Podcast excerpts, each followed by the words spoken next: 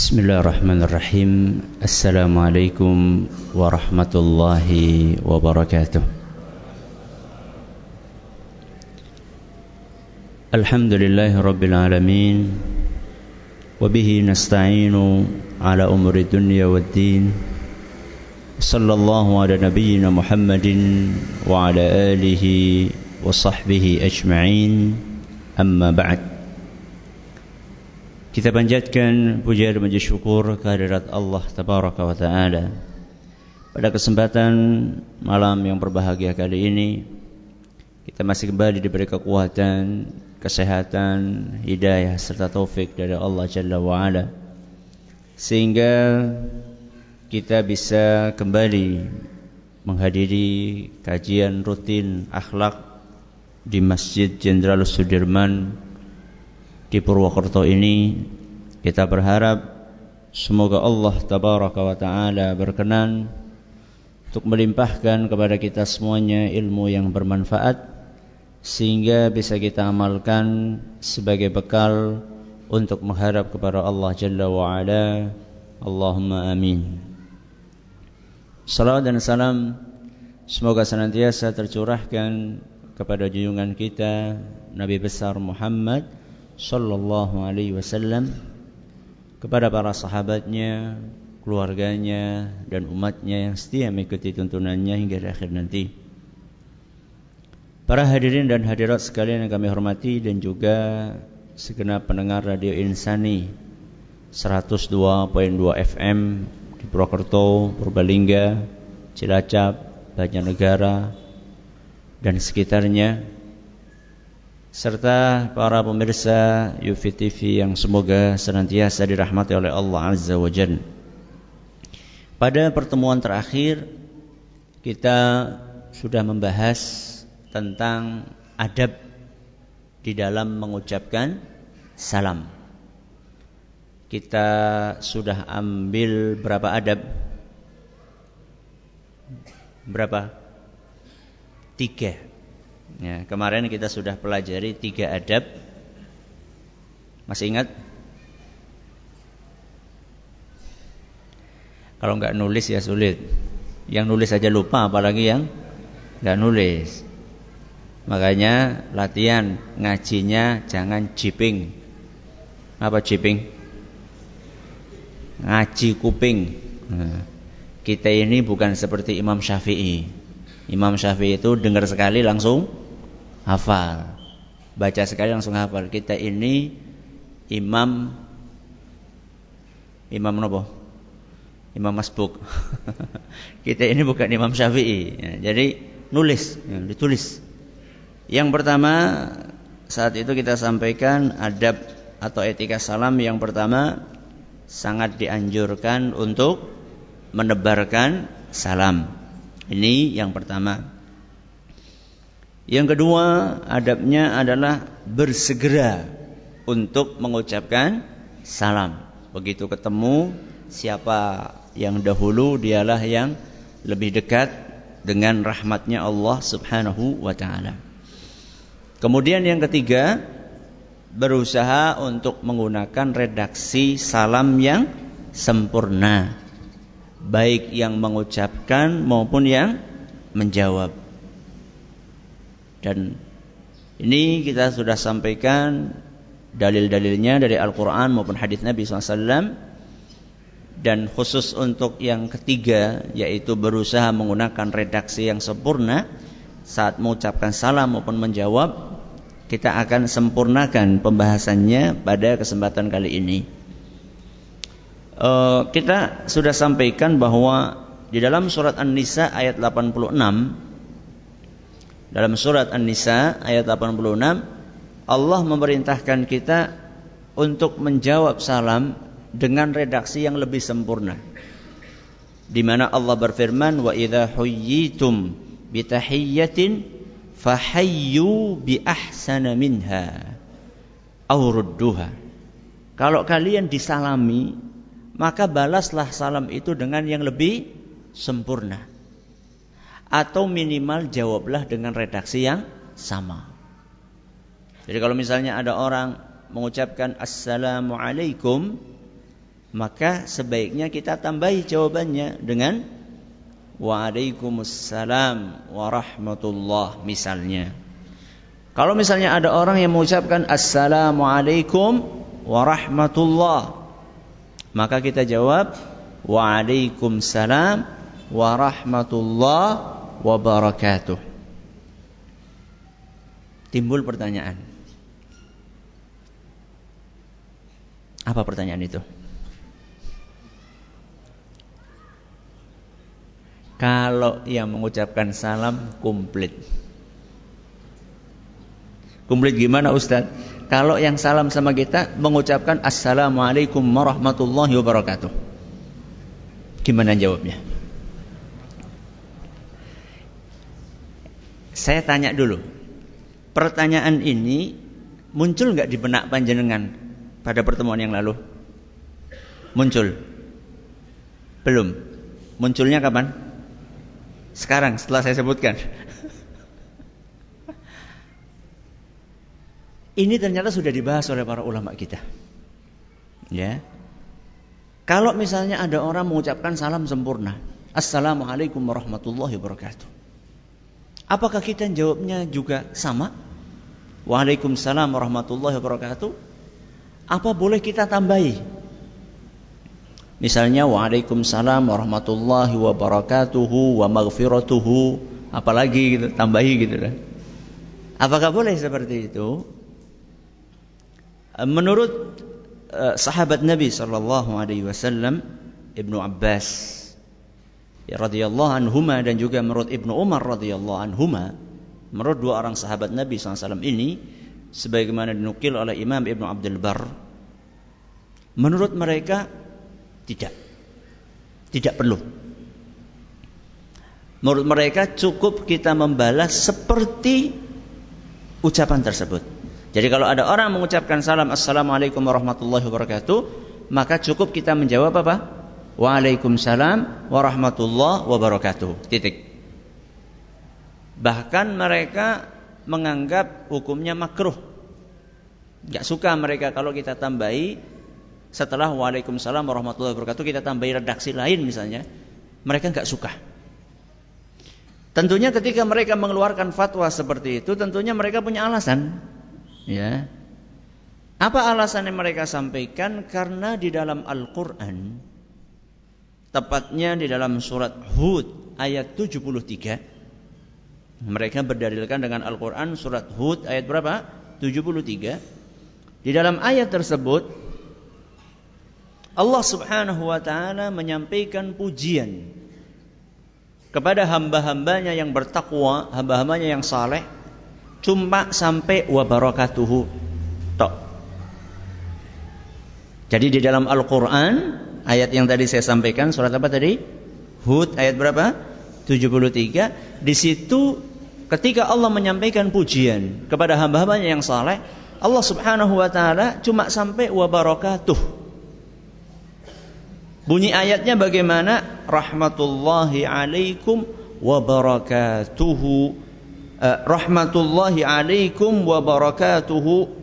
Maaf, rahmatullahi wa barakatuhu alaikum. Ahlal bait. Semoga rahmat Allah dan keberkahan atas kalian wahai ahlul bait. Ya. Wahai keluarga.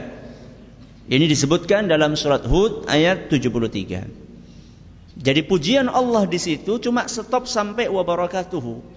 Maka menurut Imam Ibnu Abbas dan juga Ibnu Umar radhiyallahu anhum lebih baik kita mencontoh apa yang sudah dicontohkan oleh siapa? Oleh Allah Subhanahu wa taala. Barangkali ada perbedaan pendapat di sini para ulama akan tetapi saya cenderung kepada pendapat ini. Jadi kalau ada orang mengucapkan salam sampai wa barakatuhu, maka kita pun juga menjawabnya sama sampai wa barakatuhu. Ini sekedar untuk melanjutkan poin yang ketiga. Pada kesempatan kali ini kita akan membahas poin yang keempat dan yang kelima. Dua adab insya Allah di antara adab salam. Adab yang keempat di antara adab salam adalah disunnahkan untuk mengulangi ucapan salam sampai tiga kali. Adab yang keempat disunnahkan untuk mengulangi salam sampai berapa kali? Tiga kali. Bila belum rampung ya. Bila yang disalami banyak. Bila yang disalami banyak atau kita merasa ragu yang disalami ini dengar atau tidak. Saya ulangi. Adab yang keempat. Disunnahkan untuk mengulangi ucapan salam berapa kali? Tiga kali. Kapan? Bila mana yang disalami jumlahnya banyak atau kita ragu yang disalami ini dengar atau tidak. Dalilnya apa? Dalam sebuah hadis sahih Anas ibnu Malik menceritakan annahu sallallahu alaihi wasallam kana idza takallama bi kalimatin a'adaha thalathan bahwasanya Nabi sallallahu alaihi wasallam manakala beliau berbicara mengulangi ucapannya tiga kali kalau beliau berbicara beliau mengulangi berapa kali tiga kali Prakteknya gimana Ustaz? Kalau kita ketemu sama orang, Assalamualaikum. Waalaikumsalam. Gimana kabarmu? Gimana kabarmu? Gimana kabarmu? Terus yang jawab gitu ya. Baik, baik, baik gitu. Apakah seperti itu maksudnya? Ini orang yang memahami seperti ini, seperti ini karena tidak membaca hadisnya secara lengkap. Kalau dia baca hadisnya lengkap, tidak akan memahami seperti itu. Nanti kan kalau kayak gitu nanti saya setiap ngomong saya harus mengulangi tiga kali. Ya. Saya harus mengulangi tiga kali, saya harus mengulangi tiga kali. Jadi setiap saya ngomong diulang-ulang gitu. Enggak seperti itu.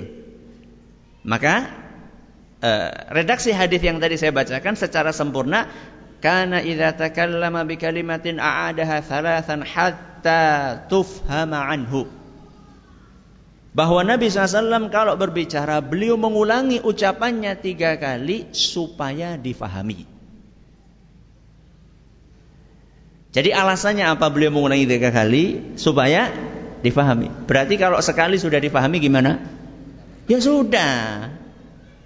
Gak difahami itu contohnya gimana Ustaz? Contohnya kalau misalnya yang ngomong itu gremeng. Ya. Apa mau? Nah. Kalau misalnya sampai yang e, diajak ngomong sampai tanya apa? Apa tadi kamu ngomong?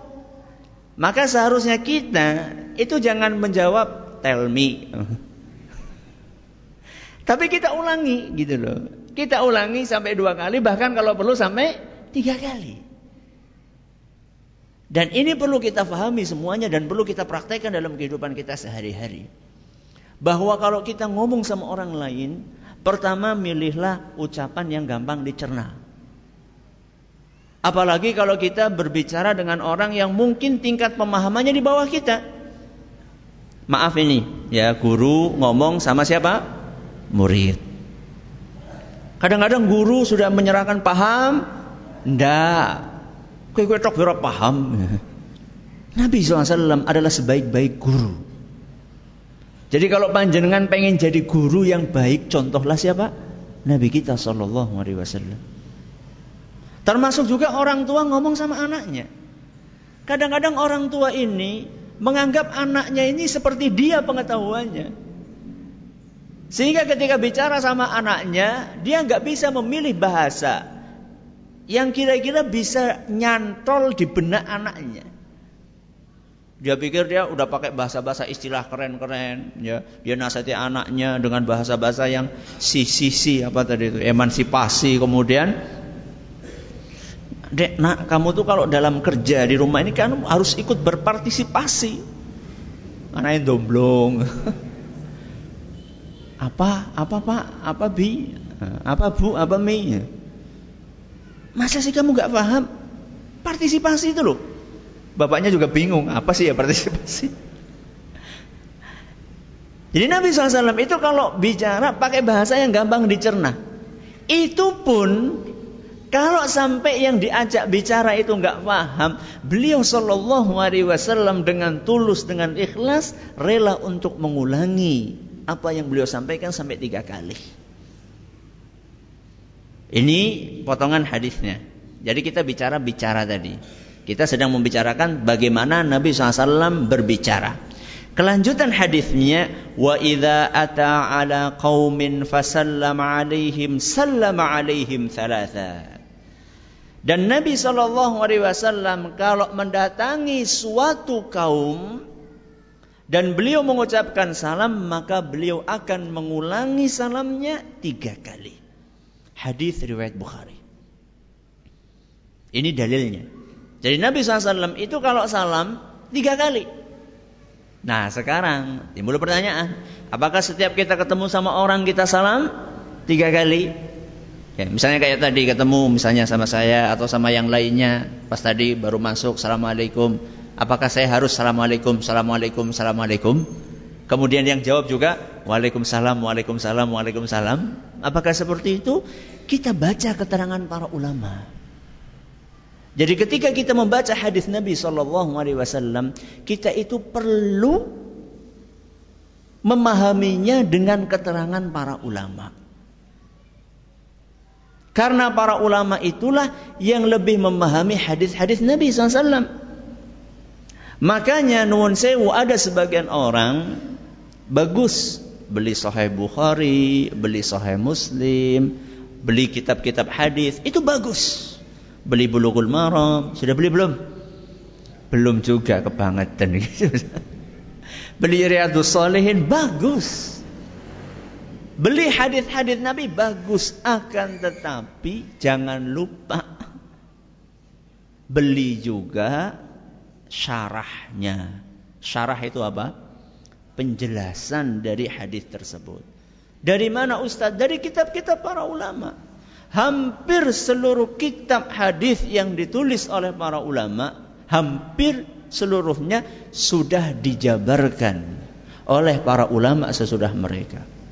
Sahih Bukhari saja syarahnya itu banyak sekali. Yang paling gede yang ditulis oleh Imam Ibnu Hajar Al Asqalani judulnya Fathul Bari. Sahih Bukharinya satu jilid, syarahnya 15 jilid. Piye? Yang satu jilid aja belum beli. Apalagi yang 15 jilid. Jadi subhanallah ya. Jadi ketika kita baca hadis kayak tadi, kita harus dengar keterangan para ulama apa. Nabi SAW salam tiga kali. Maksudnya apa? Para ulama kita seperti Imam Nawawi rahimahullah, Imam Ibn Hajar al-Asqalani rahimahullah, mereka menjelaskan bahwa maksud dari Nabi SAW mengucapkan salam tiga kali itu satu, ketika yang disalami banyak. Dan yang salam itu memperkirakan ada sebagian dari yang disalami itu belum dengar. Belum dengar itu bisa jadi karena dia sedang delenger. Delenger itu apa sih bahasa Indonesia-nya? Apa? Meleng. Meleng bahasa Indonesia? Baru tahu saya. Eh, bahasa Betawi, bahasa Indonesia. Lagi meleng, ya wis lah. Kalau paham meleng ya sudah. Jadi ketika mungkin ketika kayak gini misalnya pertama kali Assalamualaikum warahmatullahi wabarakatuh. Ternyata yang jawab cuma sepertiga. Yang ini masih pada ngobrol gitu. Tidak apa-apa diulangi. Ya supaya yang lainnya dengar, yang lainnya juga ikut jawab. Ini, ini kondisi yang pertama. Atau kondisi yang kedua, kata para ulama, kita mengulangi salam sampai tiga kali. Kalau misalnya kita perkirakan yang kita salami itu belum belum dengar. Misalnya gimana Ustaz? Misalnya kita ketemu sama orang, kita naik, e, misalnya kita e, masuk ke masjid, kemudian ada orang lagi duduk di situ, kita ucapkan assalamualaikum. Kok kita tidak mendengar dia jawab? Oh mungkin dia belum dengar. Maka kita ulangi berapa kali? Dua kali. Assalamualaikum. Kok belum dengar juga? Oh mungkin dia mandan No sewu. Mandan kurang pendengarannya. Mungkin kita angkat lagi. Assalamualaikum. Kok nggak jawab juga? Sudah. Sampai tiga saja. Ya. Cukup sampai tiga saja. Diulangi tiga kali. Ini adalah kondisi-kondisi di mana kita disunnahkan untuk mengurangi salam berapa kali? Tiga kali. Ini adab yang keberapa? Adab yang keempat. Adab yang kelima. Di antara adab salam adalah disyariatkan untuk mengangkat suara. Disyariatkan untuk mengangkat suara ketika mengucapkan salam dan ketika menjawab salam. Saya ulangi, adab yang kelima disyariatkan untuk mengangkat suara ketika mengucapkan salam maupun ketika menjawab salam. Perhatikan baik-baik, saya katakan mengangkat suara bukan teriak. Beda ya? Ya. Saya sengaja pilih kata ini supaya nanti jangan sampai ada orang bengok-bengok salam. Enggak. Mengangkat suara. Nanti kita akan jelaskan volumenya berapa. Kita akan jelaskan. Masya Allah Ustaz ada volumenya juga. Iya. Makanya ikuti sampai selesai pengajiannya. Jangan keluar dulu. Kecuali kalau kebelet. Sudah. Apa landasannya? Sebuah asar. Asar itu adalah perkataan atau perbuatan sahabat Nabi SAW. Atau para tabi'in, itulah asar. Jadi kalau ada dengar kata apa? Asar, asar itu artinya adalah perkataan atau perbuatan sahabat Nabi SAW dan para tabi'in atau tabi'ut tabi'in. Itu istilahnya a, asar. Kalau perkataan Nabi namanya namanya hadis. Ya, perbuatan Nabi namanya hadis. Kalau ini asar. Sebuah asar dalam sebuah asar yang diriwayatkan oleh Imam Bukhari dalam kitabnya Al-Adabul Mufrad dan sanad asar ini dinyatakan sahih oleh Imam Ibn Hajar dan juga oleh Syekh Al-Albani disebutkan an Thabit an Thabit ibni Ubaid Thabit ibnu Ubaid bercerita. Ataitu majlisan fihi Abdullah ibnu Umar. Pada suatu hari aku datang ke suatu majlis. Di majlis itu ada Abdullah ibnu Umar. Abdullah ibnu Umar ini anaknya siapa?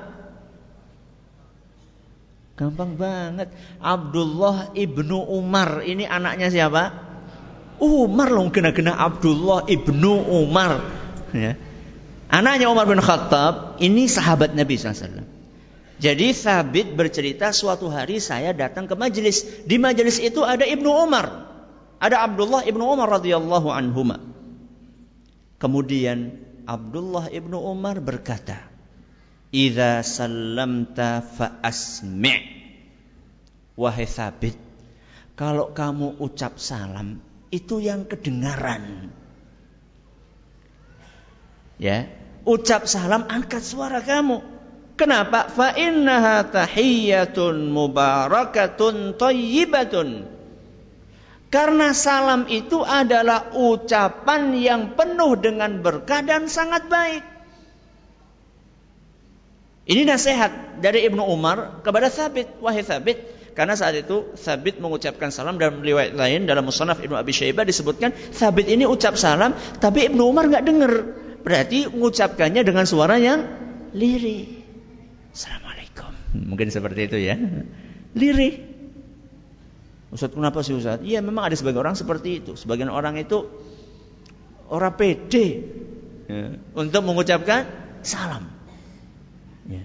Padahal ilah syiarnya Islam. Ya. Jadi Ibnu Umar menasehati, kenapa kamu nggak angkat suara kamu ketika mengucapkan salam? Salam itu kan sesuatu yang penuh berkah, sesuatu yang baik. Kenapa malu melakukan sesuatu yang baik? Dan memang di zaman kita ini banyak orang yang malu untuk melakukan kebaikan. Ada sebagian orang ke masjid malu. Ya, isinlah memecit. Nah, bukti delengin nang wong. Jadi ada sebagian orang seperti itu loh. Kenapa sih jenengan kan di samping rumah uh, jenengan di, di RT jenengan kan ada masjid. Kenapa nggak ada yang azan, nggak ada yang komat? Malu kalau saya azan sendiri, komat sendiri, ngimami sendiri, jadi mau sendiri, malu. Subhanallah. Melakukan kebaikan kok malu. Malu itu nek nyolong pelem. Melakukan keburukan malu. Ya. Sebagian uh, muslimat juga seperti itu. Ya, ke sekolah remaja-remaja sekarang ke sekolah pakai jilbab, katanya apa? Malu. Dikatakan ndak ndak gaul. Ya. Seharusnya yang malu itu yang yang nganggo kelambi urung dadi. Itu yang malu. Melakukan kebaikan jangan malu, termasuk salam ini. Ya. Dan di antara dalil yang menunjukkan bahwa salam itu perlu mengangkat suara adalah hadis-hadis yang memerintahkan kita untuk menebarkan salam. Afshus salam, tebarkanlah salam. Loh, menebarkan salam itu gimana kalau misalnya setiap orang ketemu, Assalamualaikum. Itu syiarnya di mana? Salam itu syiar. Ya. Kayak azan. Azan itu syi, syiar. Syiar berarti harus kelihatan, harus didengar. Kalau misalnya ada muadzin, Allahu Akbar, Allahu Akbar. Itu namanya bukan syiar. Makanya pada zaman dahulu yang namanya azan itu naik ke mana? Ke tempat yang tinggi karena syiar. Kalau sekarang sudah diwakili dengan apa namanya ini? Speaker. Ya. Maka keliru kalau misalnya ada orang mengatakan, loh justru seru loh, azan kok seru-seru. Subhanallah. Ya bukan teriak-teriak, memang kita angkat suara. Sudah. Jadi itu di antara dalil yang menunjukkan bahwa ketika salam kita diperintahkan untuk mengangkat suara. Volume. Nah sekarang volumenya. Seberapa sih volumenya yang diperintahkan? Tentunya saya bukan bicara angka ya. Kalau bicara angka nanti volumenya beda-beda antara HP jenengan sama HP saya. Ya, antara radio ini sama radio ini. Kita bicara volume itu bukan angka. Para ulama mengatakan bahwa volume suara batas minimumnya adalah ketika salam kita bisa didengar oleh orang yang kita salami. Itu volumenya. Berarti relatif dong Ustaz, relatif. Relatifnya gimana Ustaz? Kalau orangnya di samping kita, ya nggak usah teriak-teriak loh di samping kita. Kecuali nuwun sewu kalau orangnya mandan uh, sewu budek sih apa ya bahasa Indonesianya? Mandan agak tuli. Nah, agak tuli. Itu tidak apa-apa. Berarti kalau misalnya orang di samping kita dan dia pendengarannya sehat, maka kita cukup Assalamualaikum. Nah kalau orangnya jauh, ya kalau orangnya jauh masa kita Assalamualaikum, ya nggak dengar Assalamualaikum. Nah, jadi volumenya itu batas minimalnya bisa didengar oleh orang yang kita salami. Kalau misalnya ya tidak didengar, maka tidak wajib bagi yang disalami untuk jawab. Jadi jangan salahkan orang itu kalau dia tidak menjawab salam Anda, manakala Anda itu mengucapkan salam suaranya lirih, jangan salahkan dia. Lawung dia nggak dengar kok. Ini, ini yang mengucapkan salam, termasuk yang jawab. Yang jawab gimana Ustadz? Yang jawab juga sama, volumenya kira-kira suaranya bisa didengar sama yang mengucapkan salam. Sama kayak tadi kalau dekat Assalamualaikum kita ucapkan Waalaikumsalam. Nah kalau jauh gimana Ustaz? Waalaikumsalam. Enggak apa-apa. Keras. Supaya didengar sama dia. Ustaz, kalau misalnya ada orang jawab salam suaranya lirih. Itu bagaimana Ustaz? Kata para ulama, kewajiban dia menjawab salam belum gugur. Berarti dosa Ustaz. Iya, menurut sebagian ulama seperti itu. Ya, jadi kalau misalnya ada orang ucap assalamualaikum, kemudian kita jawabnya waalaikumsalam. Nah, atau cuma bahkan nggak ada nggak ada suaranya, cuma uh, mulutnya cuma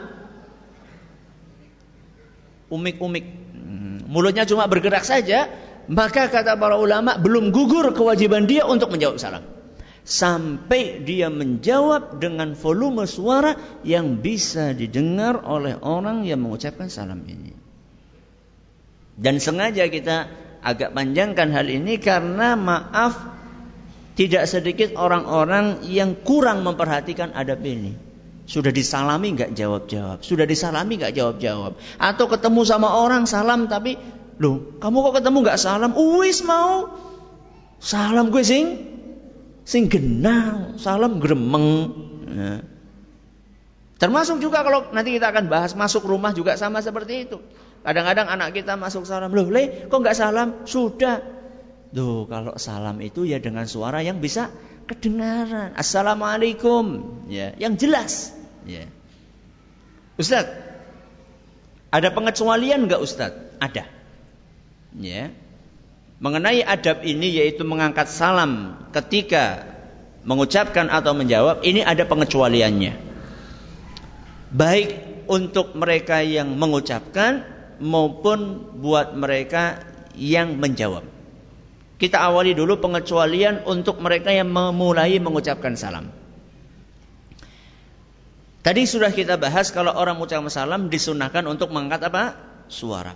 Kecuali dalam satu kondisi atau dalam suatu kondisi. Kondisi apakah itu? Kondisi ketika kita mengucapkan salam kepada sekelompok orang sebagian sedang tidur. Saya ulangi. Disunahkan mengangkat suara ketika salam kecuali dalam kondisi kita mengucapkan salam kepada sekelompok orang sebagiannya sedang tidur. Kalau sebagian tidur berarti sebagian sebagian ya nggak tidur lah. Wong sebagian tidur berarti sebagian nggak nggak tidur. Loh kalau misalnya semuanya tidur salam sama siapa? Ya. Dan ini dipraktekkan oleh Nabi kita Muhammad sallallahu alaihi wasallam. Di dalam hadis riwayat Muslim. Di dalam hadis riwayat Muslim dari seorang sahabat Nabi yang bernama Al-Miqdad. Bernama Al-Miqdad. Jadi Al-Miqdad ini sedang bercerita dalam hadis panjang tentang bagaimana Nabi SAW memuliakan tamunya. Jadi kisahnya secara ringkas ada tiga orang datang, ya, dan mereka itu sudah lemes sekali. Diceritakan dalam hadis itu sampai nggak bisa ngelihat, nggak bisa dengar, saking apanya, saking lemesnya. Dan mereka bertamu ke rumah-rumah sahabat, ternyata para sahabat juga nggak punya apa-apa di rumah. Akhirnya datang ke rumahnya Nabi Shallallahu Alaihi Wasallam. Alhamdulillah di rumah Nabi itu ada tiga kambing. Jumlahnya tadi yang datang berapa? Tiga. Sama Nabi sudah perah sendiri situ susunya. Berapa perah? Minum susunya sampai kenyang. Nanti dalannya keton maning. Ya. Karena tadi ketika datang itu mereka diceritakan sudah nggak bisa ngelihat dalam arti sudah berkunang-kunang, denger aja udah nggak konsentrasi. Ya. Nah, diceritakan oleh Al-Miqdad, fayaji'u minal laili fayusallimu tasliman la yuqidhu na'iman wa yusmi'ul yaqdhan. Di malam harinya ketika kami sedang istirahat, tamu-tamu itu lagi istirahat, Nabi SAW datang menjenguk kami. Kemudian beliau mengucapkan salam dengan volume yang tidak membangunkan yang sedang tidur tapi bisa didengar oleh yang sedang berjaga. Yang sedang masih belum tidur juga. Lihat. Nabi SAW Ketika tahu bahwa yang disalami ini sebagian sedang tidur, sebagian belum tidur, beliau datang mengucapkan salam dengan volume yang kira-kira tidak membuat orang yang sedang tidur itu terbangun. Berarti kira-kira bagaimana salamnya? Ya nggak terlalu keras. Ya, nggak terlalu keras. Mungkin bisik-bisik, ya. Karena suasananya malam-malam, bisik-bisik pun akan terdengar. Assalamualaikum. Yang masih berjaga, yang masih terjaga, yang belum tidur bisa dengar. Sedangkan yang tidur nggak bangun. Dan ini ini disebutkan dalam hadis riwayat Muslim. Dalam hadis riwayat Muslim, hadis sahih riwayat Muslim. Dan ini subhanallah menunjukkan kepada kita betapa tingginya etika Nabi SAW. Beliau nggak ingin ganggu orang yang sedang tidur. Saya tanya, salam ibadah bukan? Ibadah bukan? Ibadah. Walaupun Nabi SAW ingin mengamalkan ibadah, tapi beliau tidak ingin ganggu orang yang sedang tidur. Bagaimana dengan orang yang ganggu tidur dengan suara kenal pot? Kenal pot bisa apik-apik, renyah-renyah malah diganti sing suarane Ya cempreng kalau memang aslinya cempreng ya gimana lagi wong punyanya ya seperti itu. Enggak, ini subhanallah kenal pot itu kadang-kadang subhanallah. Sudah kayak gitu masuk ke gang malam-malam lagi enggak dimatikan. La ilaha illallah. Atau orang yang sedang barang gawe kemudian pasang speaker nganti pira? sampai tiga tingkat. Oh. Nek urung telung tingkat wong sedesa urung kurung urung marem. Yang mengucapkan salam saja Nabi SAW yang genah-genah ibadah. Beliau tidak mau sampai mengganggu orang yang sedang tidur. Ini adab semulia apa ini yang dipraktekkan oleh Nabi SAW. Dalam satu sisi beliau tidak pengen mengganggu orang yang tidur, nggak pengen mengagetkan mereka, nggak pengen mengganggu istirahat mereka. Dalam waktu yang sama beliau juga nggak mau kehilangan pahala. Pahala apa? Salam. Beliau tetap mengucapkan salam. Beliau tidak katakan, lah mau ganggu sing lagi turu. Enggak, enggak beliau katakan seperti itu. Beliau tetap salam. Beliau tetap dapat pahala. Yang mendengar juga tetap dapat pahala. Akan tetapi beliau juga tidak berdosa karena tidak mengganggu orang yang sedang istirahat. Subhanallah. Adab yang seperti ini adanya itu di dalam agama Islam. Dan adanya di dalam kehidupan Nabi kita Muhammad sallallahu alaihi wasallam. Ini pengecualian yang pertama. Jadi kalau orang mengucapkan salam disunahkan angkat suara kecuali kalau lagi mengucapkan salam kepada orang sekelompok yang sebagian sedang tidur, sebagian terjaga. Baik. Pengecualian, pengecualian berikutnya bagi yang jawab salam. Tadi kita sampaikan bahwa orang yang jawab itu suaranya harus kedengaran. Ada satu kondisi yang boleh masuk waktu isya ya. Monggo. Kita lanjutkan insyaallah ba'da adzan.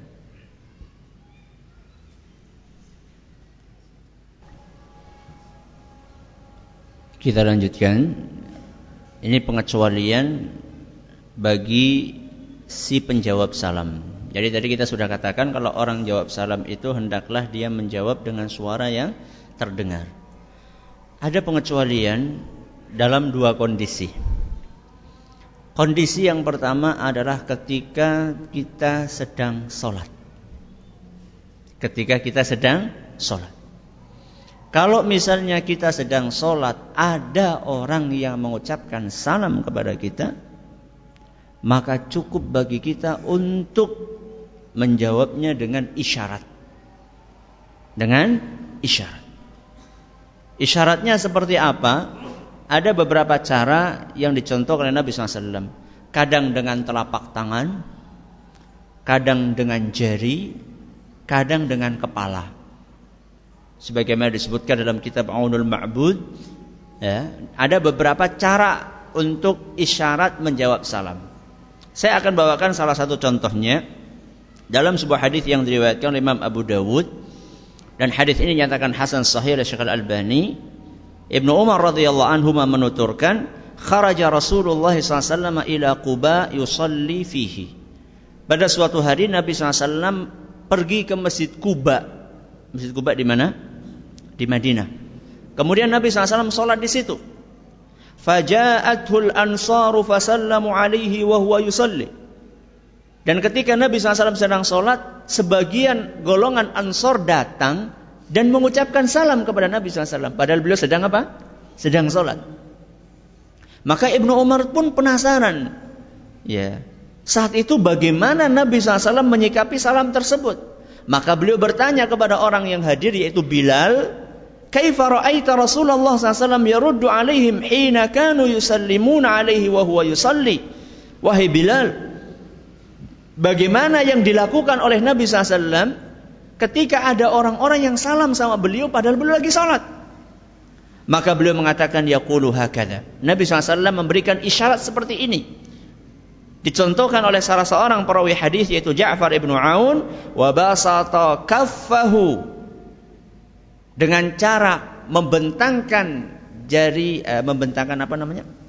telapak tangannya wa ja'ala batnahu asfal telapak tangannya di bagian bawah wa dhahruhu ila fauq sedangkan punggung telapak tangannya di atas. Gimana itu? Wallah alam ya, wallah alam. Mungkin ketika sampai sholat kayak gini saja sekedar memberikan i, isyarat. Jadi telapak tangannya di bawah, kemudian punggung telapak tangannya di atas. Dan ini sebenarnya fleksibel. Ya, ini ini dalam hadis riwayat Abu Dawud nyatakan hasan sahih oleh Syekh Albani. Bisa juga pakai jari, ya. Bisa juga pakai kepala. Saya nggak tahu pakai kepala ini uh, nggak tahu apa nganggu-nganggu apa nggak tahu saya. Tapi yang jelas di situ disebutkan fleksibel. Intinya adalah ngasih tahu kepada orang yang salam bahwa saya itu sudah dengar salam kamu, gitu loh. Jadi jangan sampai nanti ada orang salam sama kita lagi sholat, waladhalin amin, waalaikumsalam. Enggak boleh. Jadi Nabi SAW cukup pakai apa? Isyarat saja. Isyarat pakai tangan atau pakai jari atau pakai kepala itu yang dipraktikkan oleh Nabi SAW. Ini kondisi yang pertama. Kondisi di mana kita sedang sholat. Kondisi yang kedua, ketika kita sedang buang air. Ketika kita sedang buang air. Maka saat itu tidak perlu jawab. Bahkan para ulama sudah berijma makruh hukumnya. Ya, makruh hukumnya. Jangankan jawab salam, ngobrol saja nggak boleh. Atau ngobrol saja makruh. Kadang-kadang nih, ya, entah di kos-kosan atau apa, ya, maaf ini, sampingnya kamar mandi, sampingnya maaf WC, ya. Ini satunya lagi mandi, satunya lagi WC, ngobrol. Gimana kabarnya bro? Baik bro. Lu lagi, lagi di kamar mandi ngobrol. Makruh hukumnya. Ya, apalagi jawab salam. Makanya diceritakan dalam sebuah hadis yang diriwayatkan oleh Imam Muslim, Ibnu Umar radhiyallahu anhu menceritakan, "Anna rajulan marra wa Rasulullah alaihi yabul, fa sallama alaihi falam yarudda alaihi." Kata Ibnu Umar radhiyallahu anhu, ada seorang lewat lewat di samping Nabi SAW, saya itu Nabi SAW sedang buang air kecil. Maka orang itu mengucapkan salam. Assalamualaikum. Nabi SAW lagi buang air kecil. Falam yarudda alaihi. Nabi tidak menjawab salamnya. Kalau sudah selesai gimana Ustaz? Kalau sudah selesai buang air, apa perlu menjawab? Disunnahkan. Setelah buang air, wudhu jawab disunnahkan setelah buang air kalau pengen jawab wudhu baru apa? Jawab. Dan itulah yang dipraktekkan oleh Nabi SAW dalam sebuah hadis yang diriwayatkan oleh Imam Abu Dawud dan hadis ini dinyatakan sahih oleh Al-Albani dari seorang sahabat yang bernama Al-Muhajir ibnu Kunfud. Seorang sahabat namanya Al-Muhajir ibnu Kunfud. Dia menceritakan annahu atan Nabi SAW wa huwa yabulu fasallama alaihi falam yarudda alaihi hatta yatawadda. Al-Muhajir bercerita bahwa beliau pernah datang kepada Nabi SAW dan saat itu Nabi SAW sedang maaf buang air kecil. Dan Al-Muhajir mengucapkan salam kepada Nabi SAW. Akan tetapi Nabi SAW tidak menjawab sampai beliau berwudu. Setelah berwudu baru beliau jawab salamnya. Kemudian perhatikan baik-baik. Lagi-lagi etika.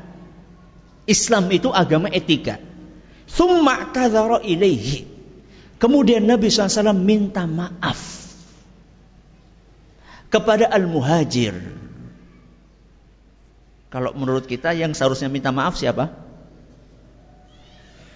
Inti nggak tahu apa.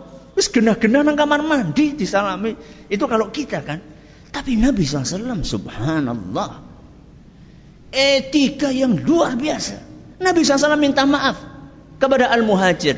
Kemudian beliau berkata, Inni karihtu an azkurallaha azza wa jalla illa ala tuhrin. Wahai al-muhajir, Minta maaf tadi saya nggak segera jawab salam kamu.